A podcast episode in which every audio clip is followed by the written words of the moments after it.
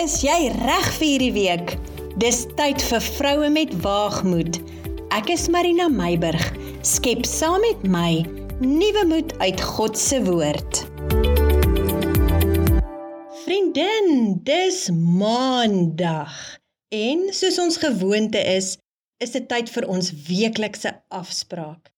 Sit 'n paar minute op sy vir jouself en ontspan saam met my vir 'n oomblik as ons vandag so bietjie op die wandelpad stap wat hulle memory lane noem.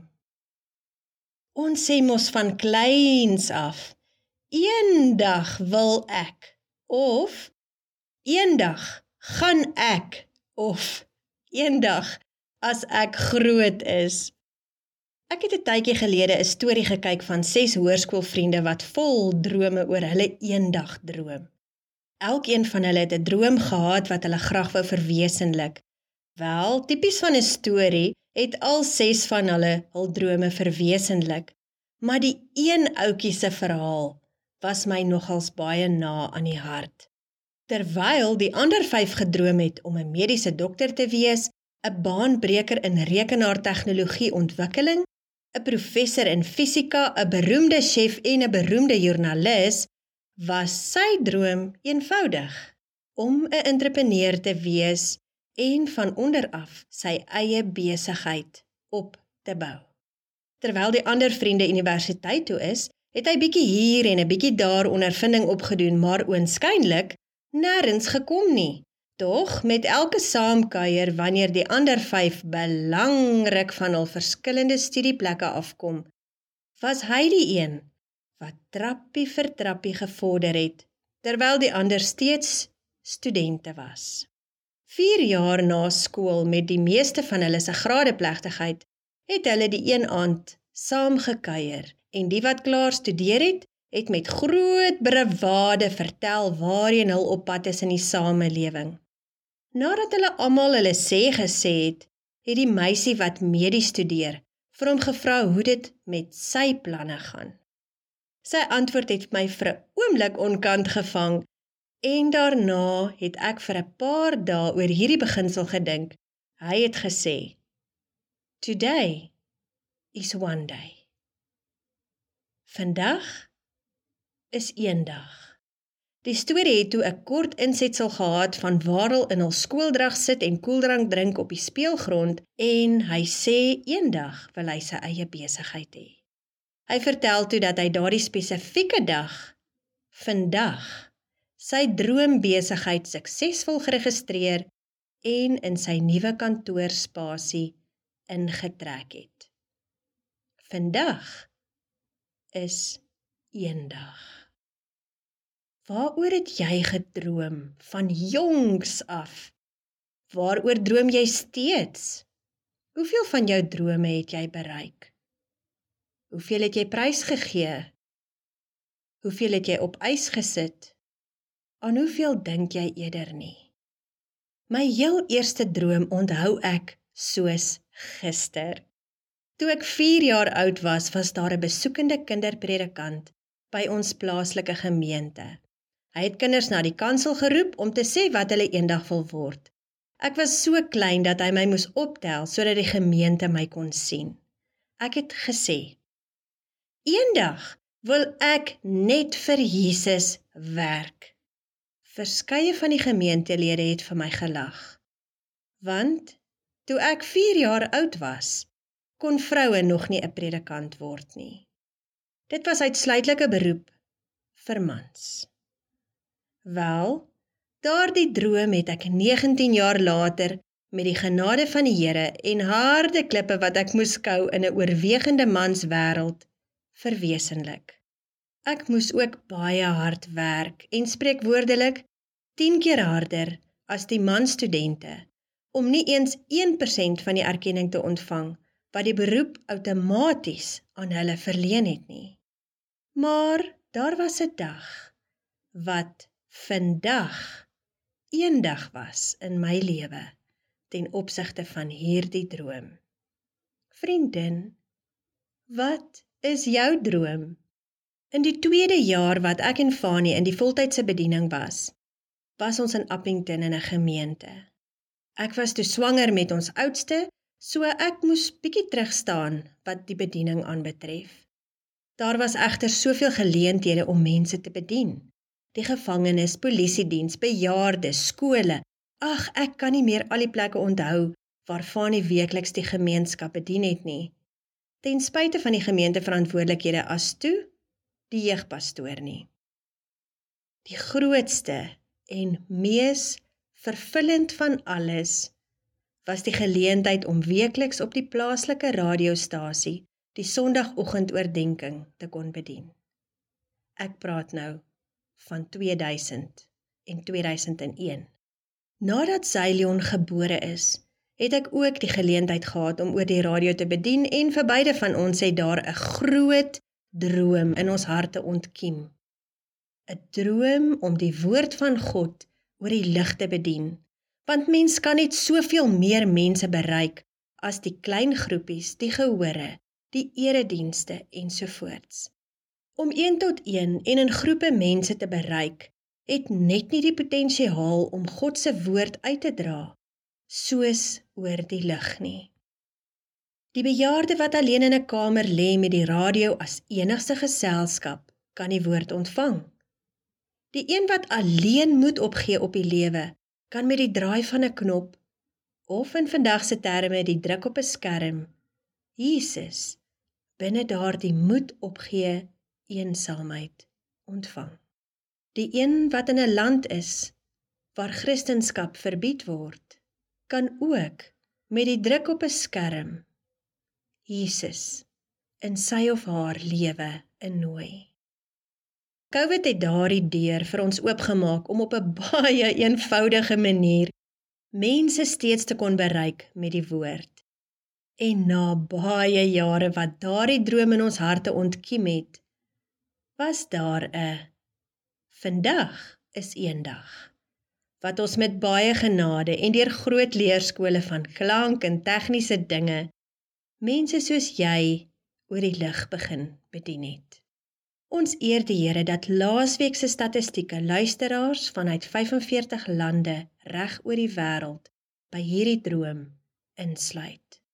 Ons kan nie genoeg dankie sê aan die Here vir hierdie geleentheid om ons droom te kon bewaarheid op 'n eenvoudige manier en soms vreemde planne soos om in die linnekas op te neem terwyl van akoestiek binne in 'n kartonboks, die mikrofoon, daai mikrofoon Die plan, daardie plan, geen plan moet opgee. Weer probeer soms laat in die nag of vroegoggend opneem.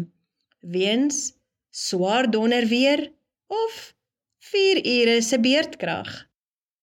Ten spyte van alles leef ons ons droom om God se woord oor die lig na jou en ander te bring. Dit het lank geneem vir die eendag om aan te breek en ons het nog 'n ver pad op hierdie pad en baie om te leer. Maar ons kon 'n begin maak. Vriendin, wat is jou droom? Het jy al 'n begin gemaak? Al is dit hoe elementêr. Het jy al mooi daaroor gedink? Drome is eintlik wonderlike goed. Dit gee ons hoop en 'n doel in die lewe. Dit motiveer ons om te streef na iets groter. Dit gee ook visie en moedig ons aan om uit ons gemaksone te klim waar ons so lekker sit. Drome leer ons om doelwitte te stel sodat ons dit stukkie vir stukkie kan bereik. Natuurlik is die lewe vol uitdagings en baie keer veroorsaak hierdie uitdagings terugslag wat ons heeltemal demotiveer om ons drome na te streef. Baie keer raak ons so vasgevang wanneer die lewe gebeur dat ons ons drome aborteer omdat dit seder maak om daaraan vas te hou terwyl die uitdagings van die lewe elke greintjie lewe uit jou pers as om dit eerder net te laat gaan. Teleurstellings en terugslae is droommoordenaars. Tog baie keer is hierdie teleurstellings en terugslae juis die dinge wat ons voete sterk anker op die aarde en ons harte en wil sterk maak sodat ons wanneer ons by ons drome uitkom nie daarvan sal afwyk nie ten spyte van teleurstellings en terugslae daarin. Moet dis nie jou drome prys gee nie vriendin. Al kry jy net met jou pinkie se laaste lid daaraan gehak. Moet nie laat los nie. Gryp vas en hou vas al voel dit jou pinkie breek af. Hou vas aan jou droom. Ek word so gemotiveer deur mense wat terugslaa in 'n lewe oorwin. Soos byvoorbeeld 'n atleet wat gestremd raak en dan na maande se rehabilitasie eindelik al gebrek oorkom en weer begin oefen en eindelik uitblink steeds as 'n atleet net in 'n ander kategorie.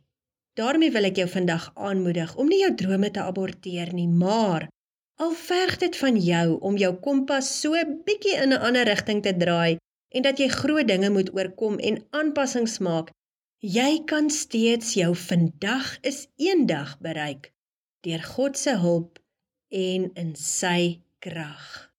Selfs al moet jy jou droom so aanpas dat dit eintlik 'n nuwe droom word, weet dat God steeds die pad saam met jou loop. Jy weet, Spreuke 16 vers 9 herinner ons daaraan. En ek wil dit graag in vandag se konteks vir jou noem. Die hart van die mens dink sy weg uit, maar die Here rig sy voetstappe. Dit was vanuit die 1953 vertaling. Ander vertalings sê: 'n Mens beplan sy pad, maar die Here bepaal hoe hy loop. Of Elke mens beplan sy lewe, maar alles hang van die Here af. En 'n mens beplan sy koers, maar die Here bepaal sy bestemming. Ek en jy droom oor dinge wat ons graag wil bereik in die lewe. Spreuke 16 vers 9 herinner ons dat dit reg is om ons eie drome en planne te hê. Ja, en dis ook reg om daarin te werk, maar eindelik is God die een wat ons pad rig. Ek glo dat God drome in ons harte plaas in ooreenstemming met sy plan vir ons op aarde. Die reis van die droom dat tot die vandag is eendag werk nie altyd uit soos wat ek en jy dit beplan nie. En soms verskuif die klem van ons droom of die uitspeel daarvan. Maar ek glo dat God se groot raadsplan binne in die vandag van die eendag opgesluit lê.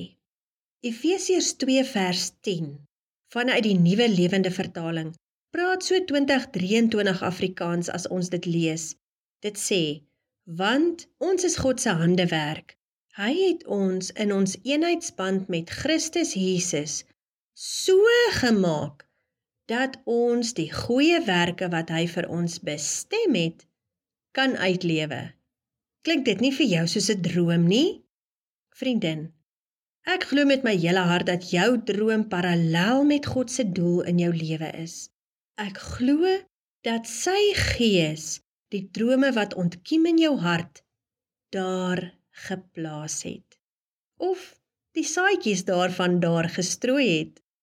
Ons eenheidsband met Christus trek ons drome parallel met sy plan en hy het jou gemaak met die volle pakket om hierdie drome te verwesenlik.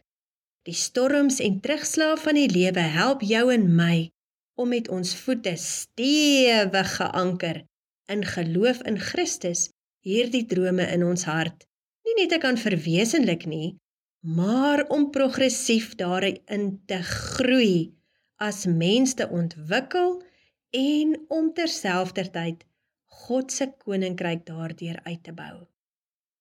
Ek wil vandag afsluit met hierdie gedagte leef elke dag. Ja, selfs ook al woed 'n storm om jou of in jou, asof vandag eendag is. Dit mag van jou verg om jou gedagtegang so 'n bietjie te verander. Wel, sien dit eerder as 'n opgradering na 'n beter weergawe as 'n verandering.